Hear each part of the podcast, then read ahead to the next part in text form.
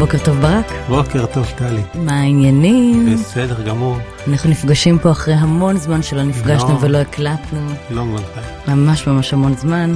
אה, אז אנחנו נפגשים פה בהקלטה של אה, אותו פודקאסט, שיחה קלה על כלכלה של גביש פיננסים.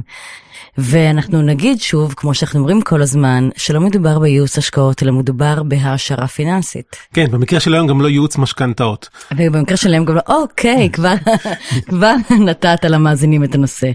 אה, אז הכל טוב? כן, כן. נהדר. אז נצלול. על- אז על מה נדבר היום? נדבר היום על יוקר המחיה, הנושא בערך אה, המדובר ביותר. כן, הכי מדובר, ש- אבל הכי פחות עושים, אבל אה, זה כבר... מדברים הרבה, עושים מעט, בדיוק. נכון. אנחנו נדבר בעיקר על המרוץ האבוד לדירה בישראל, איך לכולם נהיה ממש קשה עם העלייה במשכנתאות, אה, עלייה במחירי שכירות, אני כן. לא יודעת, כי דווקא התקשורת מציגה על איזושהי עצירה.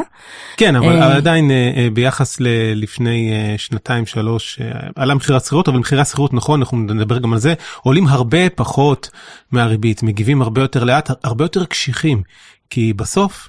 אה, הריבית זה עניין טכני שמעלים אותו וזה קורה לכולם במערכות ופתאום הבנקים מרוויחים גם כסף אבל שכירות זה משהו שקשור לחיים ביום יום שלנו והרבה יותר קשה לעלות שכירות כי יש גג למשכורת ולדברים אולי נדבר על זה ככה קצת בהמשך אז. אז באמת אנחנו הולכים לדבר על יוקר המחיה, על, על, על אני, אני, אני רוצה להגיד כמה קשה לקנות דירה, אבל אני לא אגיד את זה ככה, אבל על, על, על המרוץ, המרוץ של כולנו לדיר, לקניית דירות ומה המשמעות של זה, אתה ככה מרחיב את היריעה מאוד, נכון. אז בוא, כ- בוא כתבנו- נתחיל לדבר על זה קצת. אז אני אגיד שהכנתי על זה סקירה לפני, אה, אבל כדי, כדי בכלל אבל לגשת לנושא הזה של אה, מחירי הדירות ולמה המרוץ הזה הוא, קראתי לו במרכאות או לא במרכאות, אבוד.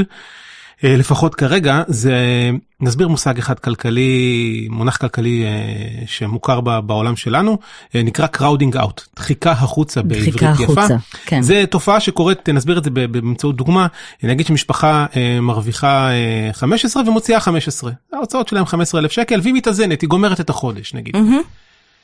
עכשיו בדרך כלל דרך אגב כמה שתרוויח אתה, אתה גם תוציא אבל uh, ניקח את זה למקום הזה של זה המספר. crowding out זה כשקורה לך פתאום הוצאה לא חד פעמית לא טיפול שיניים אלא כמו הריבית של המשכנתה שמישהו מקפיץ את הריבית של המשכנתה ופתאום אופס צריך לשלם במקום 3,000 שקל משכנתה או 4,000 פום 5,000 כן, משהו תשלום חודשי שמשתנה ולא במעט כסף. נכון אבל זה גם לא זה הולך להישאר איתך. משהו מההוצאות החודשיות של המשפחה בגנון בקניות משהו הולך לרדת. כי האלף שקלים האלה הם הדירה והדירה היא ראשונה המשכנתה היא ראשונה היא התשלום פחות או יותר בכל- לכל אזרחי ישראל הראשון. ומשהו חייב אה, לצאת עכשיו יש כאלה שהם ברי מזל ויש להם יותר אז זה יורד להם מהחיסכון אז פחות מרגישים. כואב אבל פחות מה שנקרא. אה, אבל אה, אתה יודע זה, זה מסקרן אותי וגורם לי לשאול מיליון שאלות, אני אתחיל עם אחת, זה לא גורם לאנשים ללכת לקחת עוד הלוואות? זה אחת הסכנות והנה פה בדיוק אני את יודעת מה זה אחד הדברים שהכי אה, מרגיזים אותי הייתי מסתכל על זה בעין עקומה לפני שנה ושנתיים כשהיה איזה פרזנטור של אה, אה, אה, בנק או חברת אשראי יוצא מה, מהשחייה או מהנופש ואומר אה, אתם רוצים את הנופש אל תחכה הלוואה בקליק הלוואה בצ'יק הלוואה בפיק כל מיני כאלה. ועכשיו מי שלקח את ההלוואות אז לפני שנה כשהריבית הייתה מאוד נמוכה מוצא את עצמו משלם על הנופש ההוא עדיין והרבה. זה בערך הנופש הכי יקר שהיה לו בשנים האחרונות כי הריבית עלתה כל כך חזק וזה המשמעות של עלייה של ריבית וזה המשמעות של לקחת הלוואות. אתה כאילו מסתכל על התשלום הנוכחי אבל כשהתשלומים הבאים ממשיכים ועולים זאת בעיה גדולה ואנחנו היום נתקלים ממש ממש בבעיה הזאתי ואפילו עוד פעם אני חוזר לבנקים בהקשר הזה ככה ב- ב- כ- כמאמר מוסגר. היום הקמפיינים עם התורה הזה כל הפרזנטורים עם פרצוף כזה חצי משתתף בצערכם חצי מביע סימפתיה. ואולי נת... את התשלום הקרוב עלינו. התשלום כן. הזה, כן חבר'ה, אבל יש פה עוד 25 שנה, את מי את... על... מה אתם עושים? אוקיי, עזרתם לבן אדם חודש, חודשיים, שלושה, לא באמת עזרתם, אבל נגיד, אבל המספרים שעוד שנייה אני אראה לך בסקירה שעשיתי, זה רק, לא רק דוחה את הקץ, אלא אפילו אה, טומן סוג של איזה מלכודת לאנשים, כי הכסף הזה עוד יוחזר. אבל רגע, רגע, הריבית במשך עשור או כמעט עשור הייתה אפסית או כמעט אפסית. מה שאומר שאנשים, אתה יודע, מאוד יכול להיות, חיים עם המחשבה שרגע, עכשיו הריבית היא כמה? 4.75? 75, כן. אוקיי, עכשיו הריבית קצת גבוהה, באמת הרבה יותר גבוהה ממה שידענו בעשור האחרון, אבל חכה, היא עוד תרד. אני, קודם כל אני מסכים איתך, אבל השאלה היא קודם כל מתי. כי אני מסכים שמי שמשלם היום תשלום גבוה ואומר, אוקיי, הריבית אחר כך תרד, אז גם התשלום מצטמצם, וכרגע מסוגל לעמוד בזה, אז, אז סבבה. אבל בואי אני אזכיר, אנחנו מדינת ישראל, מדינת ישראל מדינה שצומחת בקצב של... אה, הקצב של הצמיחה של האוכלוסייה צומח מאוד גבוה, אה, כמה אחוזים של, לא יודע מה, שלושה, ארבעה, חמישה אחוזים, כמה אנחנו צומחים, אנחנו צומחים חזק בילודה. אה, הצמיחת תוצר פה היא 3-4 אחוזים, יעד האינפלציה אזור ה-1 עד 3 אחוזים. אנחנו מדינה שהריבית בה לא צריכה להיות ב-0-1, כמו בכל העולם, הריבית כן. פה צריכה להיות באזור ה-3-4. אז אנחנו ב-4.75, אז... עוד יגיע ל-5, יכול להיות שזה ירד ויתכנס לאזור ה-3. אבל זה לא, אל, תצפו, הציפייה של אנשים כן, שהמשכנתה... כן, את המצב כיחסית נורמלי. עכשיו אנחנו במצב נורמלי. כן. קצת מעל הנורמלי, אבל יש ציפייה, אה, נקרא לזה גלומה של אנשים, את מה שאת ואני כל הזמן מדברים על כן. ה... אה, זוכרת כל, אני אומרת לך על הפיבוט, כן. בדיוק, כל, פודקאסט אני חייב להגיד פיבוט, הרי הפיבוט דיברנו על זה, התרחיש הזה שכולם חשבו שהריבית תעלה בארצות הברית, אבל גם עכשיו בישראל, ותרד ישר, ואני אמרתי לא, זה תרחיש, אני מדבר על תרחישי רמת הגולן, כמו שאת זוכרת, שהריבית עולה, והיא תיתקע פה איפשהו, וגם אם היא תרד, היא לא תרד ל-0.1 או לאחוז, היא תיתקע פה הרבה מאוד זמן. כן, אז הציפייה הזאת באמת לסוג של פיבוט כמו נכון. בריביות, כמו שציפו בארצות הברית, אתה אומר נכון. שזו ציפייה שהיא לא בטוח מציאותית, ולא צריך לבנות עליה. נכון, ואז אתה צריך להתרגל לתשלומים יותר גבוהים, כי הדרך היחידה שהולכת לתשלומים פחות גבוהים, זה, זה כבר uh, נוגע בפוליזם של מישהו שבא ויוריד ריבית לריבית נמוכה, זה מסוכן מאוד מאוד להוריד ריבית. לפני שהאינפלציה מוגרה, ככה כל הנגידים העצמאיים לפחות, בישראל יש נגיד עצמאי עדיין, בארצות הברית יש נגיד עצמאי. במצבים... גם בישראל יש. אמרתי עדיין, אמרתי כן, עדיין, כן. אל תכניסי אותי, אני, אני כן. סתם, סתם אכנס לפוליטיקה, ו... ותעצבני לי את כל הפודקאסט. אבל באמת, באמת, באמת, הסיפור הוא פה ש... ש... שבאמת אנחנו נמצאים בסיטואציה מורכבת מאוד, אבל לא לצפות שזה ירד מיד. הולך להיות פה קשה, אז בואו נדבר נכוחה. אז על... בוא, בוא נחזור לנושא השיחה שלנו, על המרוץ לדירה. בסקירה הזאת שאתה עומד לפרסם, ואגב, אתה תפרסם אחר כך גם בלינקדאין וגם באתר שלכם, כן, באתר של גביש. אתה בדקת את נתוני מחירי הדיור בעשור האחרון מ-2015? כן, התחלתי 2010, אבל 2015-2014 זה נקודה שבה אני אתמקד, את זה בגרפים. נכון, כן. אז הסתכלת באמת על נתוני מחירי הדיור uh, בעשור האחרון, לקחת דירה במרכז uh, של ארבעה חדרים, הראית כמה העלות שלה ב-2015 לעומת העלות שלה היום, ומה הפערים, ולפי מה שהראית, הפערים הם עצומים. נכון, אנחנו, אנחנו רואים את הגרף, אבל...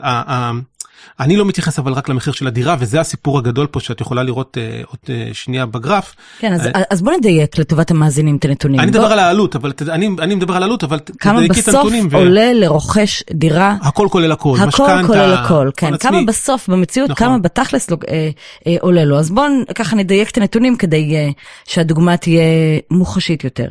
אנחנו מדברים על דירת ארבעה חדרים במרכז הארץ המחיר ב-2010 היה מיליון וחצי. רוכש ממוצע לקח הון עצמי של 30 אחוז, משהו כמו 450 אלף, ומשכנתה של 70 אחוז, משהו כמו מיליון 100. משכנתה ל-25 שנה, מסלול ריבית של uh, פריים. לקחתי בכוונה רק פריים. כן? שימו לב, זה, זה השוני ביחס למסלולים שמרכיבים לך יועצי משכנתאות. בכוונה לקחתי את זה כי, כדי לגלם את מלוא השינוי וגם את מלוא ההטבה. זה תרחיש שאנשים נדחפו אליו לאט לאט. אוקיי, okay, כשריבית על המשכנתה זה פריים אה, מינוס 0.7. אה, כן, זה שוב פעם, גם זה, יש יותר טוב מזה, אבל זה עדיין... אבל זה רק... הנתונים שבדקת, וזה הדוגמה שאיתה אנחנו כרגע מתקדמים. נכון, לקחתי עם הלמ"ס, לשכה מרכזית לסטטיסטיקה, את המחירי דיור, את ה... איך הם אה, התקדמו. הרצתי את זה קדימה לדירה המייצגת הזאתי, ושוב אני אזכיר, זה כאילו כל פעם מישהו בא לקחת דירה שב-2010 היא הייתה מיליון וחצי, ב... אה, את יכולה לראות כבר בגרף, ב-2014, 2014 זאת הנקודה בכוונה כי בדיוק עבר עשור, וזה קצת לפני תחילת הירידה של הריבית לאזור ה-0.1 שנתקע שם איזה 7-8 שנים, mm-hmm. שאז הריבית באמת הייתה הכי נמוכה. אה, וזה נמשך הרבה זמן, אז הדירה הייתה 2 מיליון. עכשיו דירה של 2 מיליון, לוקח אותך אלינו, לחיים שלך ושלי, 2 מיליון דירה באזור המרכז, 4 חדרים, ב-2014. נשמע חלום. נשמע חלום, בסדר, אה, יש כאלה שיש להם חלומות אחרים, אבל אה, היום הדירה הזאת במחירים של היום, כמחירים, עולה שלושה וחצי מיליון, לפי מדד מחירי הדיור בישראל. בחלק מהמקומות, כמו הוד השרון, כפר סבא זה עולה יותר, אבל ניקח את המחיר הממוצע, המחיר היום הוא אה, שלושה וחצי מיליון. עכשיו... אני, אני רוצה רגע להבין מה אמרת ולחזור לזה. אתה אומר דירה מייצגת נקרא לזה, שמחירה היה ב-2010 מיליון וחצי.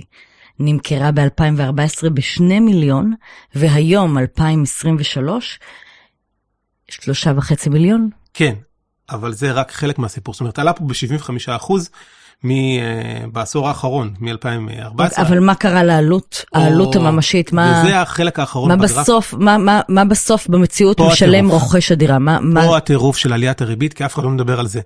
שלושה וחצי מיליון נשמע לנו עוד בתחומי האנושי ונורמלי, כי זה המחירים באזור המרכז וכל הדיבורים האלה שגם זה קשה. וצריך להגיד את זה, זה קשה. זה כן. קשה. אז תסתכלי מה קרה לעלות של אותה דירה. הדירה הזאת שב-2014 העלות שלה, אני מזכיר דירה של 2 מיליון לקנות אותה, העלות כולל המשכנתה, כולל כל הריביות עד הסוף, 2 מיליון 340. שוב פעם, למאזינים להקשיב טוב. 2014 הדירה המייצגת הזאת, כל העלות, כולל המשכנתה, כולל הכל היה 2,340. היום כשאתה בא לקנות את הדירה אומרים לך 3.5. אבל? אבל המספר האמיתי הוא 5 מיליון 400 כמעט. העלות הכוללת 5.4 כולל מיליון. הריביות על המשכנתה ל-25 שנה שאתה תשלם. דירה שנמכרת בשלושה וחצי מיליון, העלות הכוללת שאתה תשלם כרוכש הדירה הזאת היא 5.4 מיליון. כן, אבל הפער הפסיכי הזה של 270 ומשהו, אחוז, 230 אחוז שיצא לי, זה מטורף. זה מטורף, אבל אני צריך להסביר מה קרה פה. כשקנית את הדירה הזאת ב-2014, ראית לנגד העיניים מש... ריבית אפסית, כמו שאמרתי, פריים מינוס 0.7 זה בערך 0.9 אחוז. סך התשלום שלך אם הריבית הייתה נשארת ככה כל ה-25 שנה, היה 2 מיליון 340. זאת אומרת, שילמת למוכר 2 מיליון, הוספת עוד 340 אלף שקל, כאילו תוספת במהלך השנה, הריביות, שזה כמעט כלום ושום דבר, זה לא הרבה כסף, ונגמר. היום, מ-340 אלף שקל, זאת אומרת מ-2 מיליון ל-2 מיליון 340, הדירה עצמה עלתה ל-3.5, אבל הדלתא הזאת, הפער מ-3.5 שקנית היום לכמה אתה תשלם עד הסוף, הפך להיות יותר מ-2 מיליון שקל. זה מטורף. זה החלק שהריבית פה תורמת, ואנשים לא מבינים את זה. אנשים מדברים על... כן, תורמת במרכאות. עולה לי אלף כן. שקל, כן. עולה לי עוד אלף שקל, כן. ונחנקנו. לא, לא, אתה לא מבין כמה נחנקת. כי סך העלות של הדירה, האלף שקלים האלה, או האלפיים שקלים, וזה כבר מזמן לא שם, במסלול הפריים, זה הרבה יותר גבוה, אנשים חיים, עוד פעם, בסוג של סרט לצערי. זה מחיר הרבה יותר גבוה. אבל בוא שנייה רגע, סליחה שאני מציקה, אבל בוא שנייה רגע נדבר על ההיבט הפסיכולוגי. הרי אתה לא היית רוצה שיגידו לאנשים, תקשיבו, אתם קונים דירה בשלושה וחצי, אבל בתכלס תשלמו 5.4. אני בדיוק רוצה. לא, רגע. אנשים רוצים, כדי שהם יצליחו לחיות עם זה, הם צריכים להסתכל על זה במנות, חודש בחודשו. נכון שזה מקשה יותר, נכון שהתשלום החודשי גדול יותר, הכל נכון, אבל אחרת אף אחד לא יקנה דירה. אני חושב שלא, אז זה בדיוק העניין וזה בדיוק הפער, וזה בדיוק ה-change of mind שצריך להיות פה, וטוב שיהיה את הנקודה הזאתי. הפוך לגמרי, מי שרוצה לחיות חודש בחודשו צריך להבין שהריבית היום כל כך גבוהה, שהיא הולכת לאכול לך את כל העתיד אם אתה תיכנס לעסקאות כאלה. אם הריבית תישאר במקומות האלה, היא לא. אני אומר לך שמראש אתה מניח. שאנשים שלוקחים משכנתה ל-25 שנה, ישלמו את אותה ריבית לכל אורך התקופה? עוד פעם, זה גם כן עוד המלצה של בנק, שגם כן, שזה משגע מה? אותי. מה? לא, רגע, אנחנו, אנחנו עובדים עם ההנחה שהריבית תרד מתישהו. נכון, אז, אז אז בגלל זה גם כל ההמלצות בבנק, או השיחות עם, עם יועצי משכנתאות, תימנע עכשיו מה... שהריבית לא תעלה לך יותר, תעזוב את המסלול הפריימי, תעבור למסלול קבוע לא צמוד. תגידו, השתגעתם? איפה הייתם כשהריבית הייתה ב-0.1? תמליצו המלצה כזאת לריבית גבוהה ב-0.1 תמליצו. עכשיו כשהריבית כבר עומדת להסתיים, אנחנו כולנו מדברים שזה מתקרבים לפיק, אתם מדברים עם אנשים על מסלול קבוע, אתם רוצים לקבע להם, להרוס להם את החיים ל-30 שנה, 25 שנה עכשיו. אז מה אתה אומר בעצם? מה אתה פריים, תנסו להישאר על הפריים. אם אתם מאמינים שהריבית, גם אני מאמין עכשיו, זה כבר בנקודת מבט, מבטי ככלכלן. שאנחנו קצת בפיק? הריבית אמורה להגיע באיזשהו מקום לפיק. אם מישהו מסתכל על קומי הפורוורד, לא עכשיו נלאה, אבל הקומים שאמורים לחזות מה הריבית הולכת להיות בארצות הברית, כולם מצפים כבר שהיא תרד סוף שנה. אני לא חושב שזה המצב, אני חושב שזה יימשך יותר. אבל בסוף, ריביות כאלה גורמות למיתון, ואם נגרע מיתון, ריביות תרדנה. אז למה לכם עכשיו לקבע את זה בדיוק באזור שהוא כנראה אזור פיק, ביחס ל-15 שנה האחרונות? חד וחלק שזה פיק.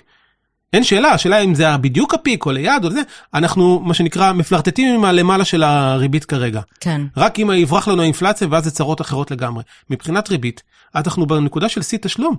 ההפך, אם אתם כבר בפריים או עושים עכשיו פריים, סביר להניח שאיפשהו בכמעט שנתיים שלוש הקרובות, התשלום שלכם רק ילך וירד. שוב, הוא לא ירד ל-0.1 הזה, תשכחו מזה. תשכחו מזה. אבל אם הוא ירד לריבית של, במקום עכשיו הריבית של... שנתיים שלוש? אני חושב יותר מהר, אבל אני אומר, במונחים של 25 שנה, יקרה בתקופות האלה. זאת אומרת שהמסלול המשתנה דווקא, אז אני, אז... הוא כבר דווקא הוא זה שכן מעניין, וכולם רגע, מדברים רגע, הפוך. יקירי, אז אתה מחזק אותי. אתה אומר, אני רוצה שתדעו מההתחלה כמה העלות הממשית, כמה באמת אתם תשלמו. אמרנו דירה של שלושה וחצי, חמש נקודה ארבע רגע, אבל, ו, ובאותה נשימה אתה אומר, הריבית תרד. אז למה אתה רוצה שיסתכלו על מה יהיה ב... ב... כי, כי עכשיו, לתת להם את התסריט אימה הזה. שאלה גם טובה מאוד. כשבן אדם בא להתעסק בנושאים כלכליים, ככה אנחנו תמיד עושים תמחורים, זה מה שיש לך כרגע, פלוס ציפיות של, של העתיד. אבל בנקודה הזאת אתה צריך להיערך למה שיש כרגע. הרי כולם שקנו את הדירה לפני שנתיים ושלוש, למה, למה לא עשיתם ריבית צמודה? הרי ריבית צמודה הייתה תמיד איזה 2% מעל הריבית של הפריים, או אחוז וחצי מעל הריבית. אבל אתה אומר, למה שאני אשלם עוד אחוז וחצי? אני אשלם עכשיו את הריבית הנמוכה, וכשיעלה, יעלה. אז הנה, זה שיקול רע בדיעבד, נכון? אנחנו לא עושים בדיעבד, אנחנו מסתכלים עכשיו מכאן בנקודה הזאת, אומרים חברים, כרגע אנחנו יודעים שאם הריבית הייתה לפני כבר במשך שמונה שנים באפס כמעט, וזה היה לא נורמלי ואף אחד לא יקשיב, תקשיבו עכשיו שהריבית עכשיו בארבעה וחצי וכנראה חמישה ואולי חמישה ורבע, זה אזור השיא. כך זה נראה כרגע מהנקודה, מהמקסימום המקומי שנראה לי כרגע. זה יספיק כדי לדכא את האינפלציה, לפחות אני מקווה פה בישראל אם לא יעשו פה שטויות. אז, ועושים פה שטויות. אבל אם הכל יימשך נגיד יסתדר לנו פה הדברים אז זה יהיה שיא ואתה תמצא את עצמך באזור השלושה אחוז. אז דווקא תיקח משתנה כי נוטים עכשיו בסיכויים שאיפשהו בשנים הקרובות כשהריבית תתנרמל אתה תרוויח כסף אבל העלית לי נקודה שאני מאוד רוצה להגיד לאנשים על הקנייה היום של הדירה ולמה זה לא עושה שכל. לא מבחינת זוגות שרוצים להיכנס. אז אני רגע קוטעת אותך, בוא נדבר על שתי אוכלוסיות, רגע בוא נחלק את זה לשני סגמנטים, בטח. רוכשי הדירה, ונדבר על אוכלוסייה נוספת שהיא גם מעניינת משקיעים. אני אדבר על משקיעים, בואי נתחיל משקיעים, כי משקיעים? נסביר למה משקיעים יצאו מהשוק, אוקיי, הם לא- משקיעים טיפה יותר מתוחכמים, אוקיי, אז נתחיל במשקיעים. אז נתחיל ממשקיעים. משקיעים היום שבאים לקנות דירה של, אה, של השלושה וחצי מיליון שקל האלה, שוב באותה הנחה שלנו של אה, להביא אה, מיליון ולקחת בערך שניים וחצי מיליון, אוקיי. 30 אחוז וזה. התשלום של משכנתה היום של 2 מיליון 400, הנה זה גם זה בסקירה מופיע, מהמם. משכנתה של 2 מיליון 400 בריבית של היום, לפני העלאת ריבית של השבוע דרך אגב שהייתה, אני פה חישבתי לפי 4.5 לא לפי 4.75, כן, כמובן אנחנו נראה את הכל. אנחנו נציג, נציג את זה בסקירה שתתפרסם באתר של גביש. הריבית החודשית, המשק... לא הריבית, התשלום החודשי שלך על המשכנתה הוא 14,500. 14,500 זה תשלום המשכנתה, לא 4, לא 5, לא 6, לא 7. מטורף. עכשיו בואי נזכיר, את מכירה את מחירי השכירות באזורי כפר סבא, הוד השרון, כל המרכז, מכירה. אז 7, 8 זה המחירים לדירת ארבעה חדרים, הפיק זה השמונה נגיד, לא יודע אם מישהו בשיא תפס איזה שמונה וחצי, עזבי, אבל כן. כשאתה בא מכיוון של משקיע, שמשקיע בדרך כלל רוצה לעשות back to back, מה הכוונה? כן. הוא רוצה להגיד אני אשלם תשלום משכנתה X, אני אתן שכירות X, לפחות, כדי שאם אני עכשיו שילמתי 8,000 משכנתה, אם אני יכול לקחת 8,000 שכירות, אוקיי, לא נשאר לי שום דבר, אבל לפחות בדיוק, אם אני לא ארוויח לפחות שאני אני לא. אפסיד, בדיוק. נכון. היום זה לא בר קיימא כי אין שכירות בכל אזור המרכז, לא של דירות יוקרה עכשיו, אה, של אה, ד- כן, וילות. ברור. הדירות הארבעה, חמישה חדרים, לא, אף אחד לא נמצא ב-14, אף אחד לא נמצא ב-12, אף אחד לא נמצא ב-10. זאת אומרת שמראש אתה מפסיד איזה 6,000, 7,000 שקל כל חודש. עכשיו זה לא רק זה. כי הבן אדם הזה בא ושם הון עצמי של מיליון, וזה החלק האולי חיובי היחיד בשיחה שיש לי פה, לאלה שכן יש להם כסף כן, הבן אדם המשקיע. כן, כי הבן אדם הזה שהוא משקיע, יש לו כסף. מהמם. אז הוא אומר אוקיי מיליון שקל היום מיליון שקל תלך לפיקדון בבנק זה כבר מדגדג את החמישה אחוזים. אתה אומר תשים בבנק ואל תקנה דירה. שים בבנק אתה תקבל על זה יש לך הפסד אלטרנטיבי גם אם לא תשים בבנק. אבל רגע, רגע, הוא צריך רק להתחשב הוא יכול בזה. להביא עוד הון עצמי? הוא יכול לקחת משכנתה לדירה פחותה יותר בטח. לקניית הדירה, נכון? אני זורם איתך. תלך על משקיע שיכול להביא יותר הון עצמי, ואז המשכנתה שלו פחותה, ואולי הוא יכול, אולי, לכסות את... אז, אז, אז בואי, אני עשיתי את האחר, הנה עשיתי גם את החשבון הזה פה, שאותו אחד שילך לה להצעה שלך ויגיד, שמי, אני שם עכשיו שני מיליון שקל בזה, אני לא רוצה לשלם 14 אלף, זה לא הגיוני, אני לא אצליח לעשות את השכירות. אני אשלם עכשיו אה, אה, שני מיליון שקל הון עצמי, ועוד מיליון אה, וחצי במשכנתה. משכנתה. המיליון וחצי משכנתה זה בערך 8,000 אה, אה, שקל, 8,400 שקל. זה לפחות החשבון שיצא לי. כן. נגיד שהוא יכול להשכיר את הנה זה. זה to back. אפשרי. כן, אבל מה ההפסד האלטרנטיבי? הסוחר? כן. וזה הסיפור. זה בן אדם משקיע. זה לא בן אדם שאומר זאת הדירה האחת שלי לכל החיים, וכן מסתיר, שיקולי ההפסד הטכניים הם פחות כן. חזקים אצל רוכשי דירות של דירה ראשונה. בא המשקיע אומר, רגע, יש לי שני מיליון שקלים שהשקפתי עכשיו על הדירה. עכשיו אני צריך ליהנות משני דברים, אחד רווחי הון, שניים אה, אה, שכירות, אבל שכירות אני לא מרוויח, כי נכון. שכירות זה back to back. נכון, שני מיליון שקל היום שווים, חמישה, חמישה אחוז על שני מיליון שקל זה מאה אלף שקל. בשנה. בשנה זה 8,300 שקל בחודש שהבן אדם הזה הפסיד, אלטרנטיבית. כן. בעצם זה שהוא שם את זה על הדירה. אז לא משתלם לו. לא ישתלם לו אלא אם כן הדירה, המחיר שלה יהיה לו רווחון, שכל שנה יהיה 100 אלף שקל רווחון. זאת אומרת, כל שנה המחיר של הדירה איפה הוא יעלה 5 יכול, אחוזים. איפה, באיזה אזור, איפה, באיזה. מציאות. בדיוק. כן. עכשיו אני אסביר גם למאזינים למה את אומרת באיזה מציאות, כי המחירים, ברור שכשהריביות כאלה גבוהות ואנשים לא לוקחים משכנתאות וכולם נחנקים מיוקר המחיה, ברור שהדירות הגיעו לאיזושהי נקודת פיק. זה לא עכשיו שדירות היו במיליון וחצי ועכשיו הם שלוש. זה לא יכול, יש איזה שכר במדינה, יש איזה הון לאנשים, עוד פעם, לא נדבר על המיליון העליון ולא גם לא העשירון העליון.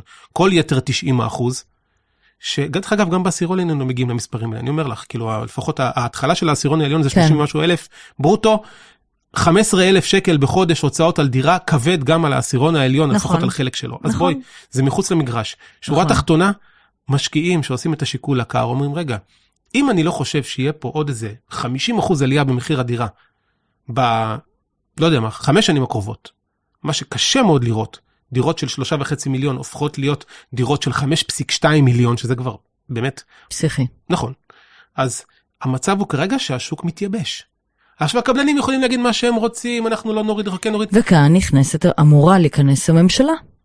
בחקיקת חוקים לא מתחילים אמרנו, שיעזרו, אני כל נכון, הפודקאסט- נכון, נכון. כל הפודקאסט ברחתי. פותחת ברחתי סוגריים. אומרת את מה שאומרת וסוגרת סוגריים, חוזרים לזה. אז למעשה אתה אומר שמשקיע שרוכש דירה מבין שהוא בפוטנציאל, או יכול להפסיד, תחת ההנחה, שה- עם הדוגמה שנתת, תחת הדוגמה שנתת, אם זאת ההנחה, יכול להפסיד כל שנה 100 אלף שקל. במינימום.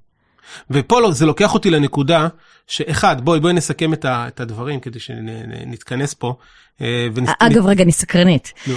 ואם מסתכלים על נתונים, באמת רואים שהרבה פחות, אה, אה, שיש ירידה בכמות השקעות של דירה שנייה, שלישית, שוק תקוע. שוק תקוע. מה, שוק תקוע כבר חצי שנה. ירידה של כמה? אה, אני לא זוכר בעל פה בשליפה, אבל אני אומר לך, מעניין.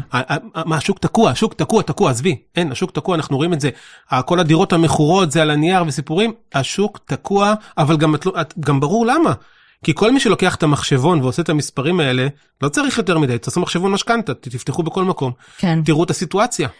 אוקיי, אז- אז, אז בוא תסכם לנו במשפט על, על, על המשקיעים ונעבור באמת אחרי זה לאוכלוסייה הבאה, אבל בוא אה, לא, נגיד את גם- זה גם במשפט. די אמרנו אותם, גם את האוכלוסייה הבאה, כן. בסופו של דבר, למשקיעים לא שווה להשקיע. לזוגות שרוצים להיכנס לעסקה של דירה צריכים לדעת ש... זוגות שרוצים עכשיו לרכוש כן, דירה. כן, כן, צריכים, או שיש להם מן מהשמיים או מאבא ואימא שלהם, שגם גם הם עושים הפסד אלטרנטיבי, דרך אגב, גם פה, אם אבא ואימא אני הייתי באים, שמחה אם אבא ואמא שלי שומעים, הייתי שמחה שגם אתם תוכלו לעזור. בקיצור, אה, לא, באמת, אבל אה, הסיפור הזה של לבוא, להשכיב שני מיליון שקלים, או שלושה מיליון שקלים על דירה, שלא יהיה לך ממנה לא רווח הון, כן. ומשכנתה אה, בשמיים, זה נקודה קצת לא אופטימלית נקרא לזה לקנות אותה, כל אחד והשיקולים שלו וההורים שלו וה, והפרנסה שלו, אבל גם בפרנסה, מי שלוקח משכנתאות של 10,000, 12, 14 אלף שקל, צריך להיות עם משקפיים ורודים ואולי גם ישן איזה משהו, אם הוא חושב שבשלושים שנה הקרובות הוא הולך להרוויח מה שנקרא תיאוריית ההכנסה הפרמננטית, מה שאני מרוויח החודש או השנה, או זה מה שאני ארוויח כל החיים. לך תדע, אולי זה יגדל, אולי הוא מאמין שעכשיו הוא מרוויח X ומחר הוא ירוויח X פלוס אה, 20 אחוז. יכול מאוד להיות, אבל כרגע בריביות האלה זה צריך, צריך להכניס את זה קצת לתוך מציאות אה, כן. טיפה פחות ורודה. אה, אז, אז זה דבר אחד. האמת שיש לי מיליון שאלות, אה, איך מוכרים היום משכנתאות, איך באמת, אה, בסוף אנשים רואים את המספרים. טוב, טוב, אנחנו לא ניכנס לזה, כי באמת אנחנו- זה דיון אנחנו- ארוך, אבל רגע, רגע, עוד שאלה. אולי נפתח את זה גם מתישהו, אנחנו צריך לפתוח לשאלות מאזינים את הדברים האלה, כי כן, זה נושאים אבל- שיש שאלות, אבל מעניין מאוד, אבל יש לי רגע שאלה, אנחנו דיברנו על הדוגמה שנתנו, אני בכוונה נצמדת לדוגמה הזאת שנתנו, דיברנו על 25 שנה, יש אפשרות אולי להאריך את תקופת המשכנתה, וככה. התשלום החודשי קצת יהיה כן, קטן יותר. או, אז קודם כל התשלום החודשי בריביות האלה הוא קטן באמת הרבה פחות, ממש, זה, אתה תחסוך מאות שקלים, אתה תשלם עוד המון כסף, ואתה תה, בעיקר תאבד עוד חמש שנים מהחיים הבוגרים שלך עם משכנתה. זה הופך להיות, זה מתחיל להזכיר לי את תרחישי יפן. ביפן בשיא של ה... יפן הרי הייתה בנקודה של צמיחה מטורפת בשנות ה-80, וההתרסקות שלה מאז שנות ה-90, רק עכשיו המדד שלהם מגיע לנקודות שהוא היה שם. מדבר איתך על יותר מ-33, 34, 35 שנה אחרי. זה היה 30 שנות שפל, הם עדיין בסכנה מטורפת הכלכלה שם לדעתי, אבל לאט לאט משתפר, אבל 30 שנה של 30 שנים אבודות. בקצה שם, מה קרה? הציעו משכנתאות ל-50 שנה, לדעתי גם היה ל-70 שנה, אני לא זוכר בדיוק, כי אז קראתי, זה אז... אין דבר כזה אצלנו. גם לא יהיה, למה שמישהו עכשיו שבגיל 30 רק מתחיל את החיים שלו נכון. אחרי הלימודים והתחיל להסתדר בעבודה והכל, ייקח משכנתה עד גיל 80, הרי ברור שזה לא קיים. מה התקופה המקסימלית אצלנו שניתן? 30. 30. שגם זה, שוב פעם, זה פשוט... הקצה. לחרב את החיים באיזושהי רמה, או עזבי לחרב, כי, כי בשנים האחרונות הכל היה הפי ורק עלה וזה. צריך להסתכל על המציאות של ריבית יותר נורמלית כמו היום, mm-hmm. ולהבין שאתה נכנס פה להשקעה שלא בטוח שיהיה לך ממנה רווחיות ויהיה קשה לצאת ממנה. מסובך מאוד. אני רוצה לעבור אבל רק לסיים בצד החיובי. או, oh, קדימה, יש כן, חיובי. בדיוק. ספר לנו.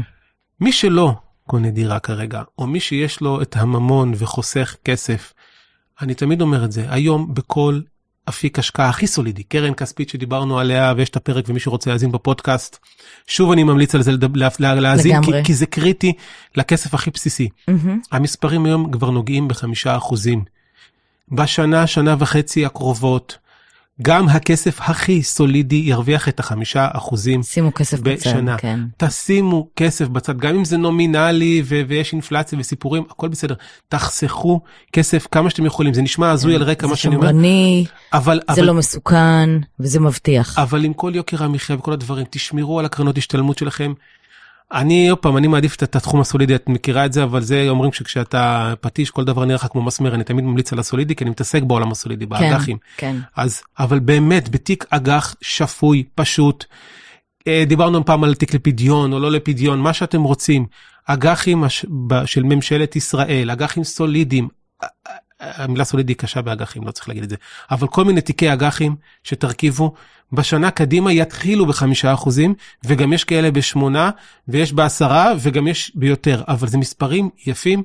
מי שיכול לחסוך, גם אם זה שקל לשקל, או מי שמחכה לדירה, לדאוג שהכסף הזה יושקע, גם אם זה יהיה בקרן כספית, או באיזה מקם של מדינת ישראל, אתה תיקח חמישה אחוזים, תשקיעו, שלא תעיזו להשאיר את הכסף לבנק. כן. הבנק הרוויח מספיק, תקראו בעיתונים, הבנק עשה בוננזה מה, מה, מה שקורה פה, שאנשים לא שמים את הכסף שלהם בפקדונות או בקרנות כספיות. תלכו ותשקיעו, תתייעצו. תייעצו עם אנשים שמבינים בדברים האלה, כן? כי מורשים, יועצים וזה, סיפורים. אבל באמת באמת תשקיעו את המעט כסף שיש. תראו איפה הקרן השתלמות, תנסו להוריד דמי ניהול, תנסו לשמור את הכסף שלכם שיתחיל לעבוד, wealth preservation כן. וגם צמיחה של ה-wealth שלכם, כי זאת התקופה הכי טובה בהקשר הזה ללקוחות סולידיים ב-15 שנה האחרונות. זה הצד הבהיר של מצד אחד לווים, קשה להם כל כך כמו שתיארנו עכשיו בצורה לא נורמלית. אז מי שכבר יש לו קצת, או סכומים יפים או לא קצת, להשקיע, שידאג שלפחות ירוויח את הלפחות כסף הזה. אז עם זה, הנה ראית, עשיתי זה נסיים. איזה סיום אופטימי. ממש, ממש. ברק, תקשיב, אה, אפשר לדבר על זה עוד אה, המון המון, ויש לי עוד המון שאלות, כנראה נמשיך את זה בבית. אה, תודה רבה על שיחת, על שיחה מאירת עיניים ומטרידה, באותה כן. נשימה, אני חייבת לומר. תודה. תודה רבה.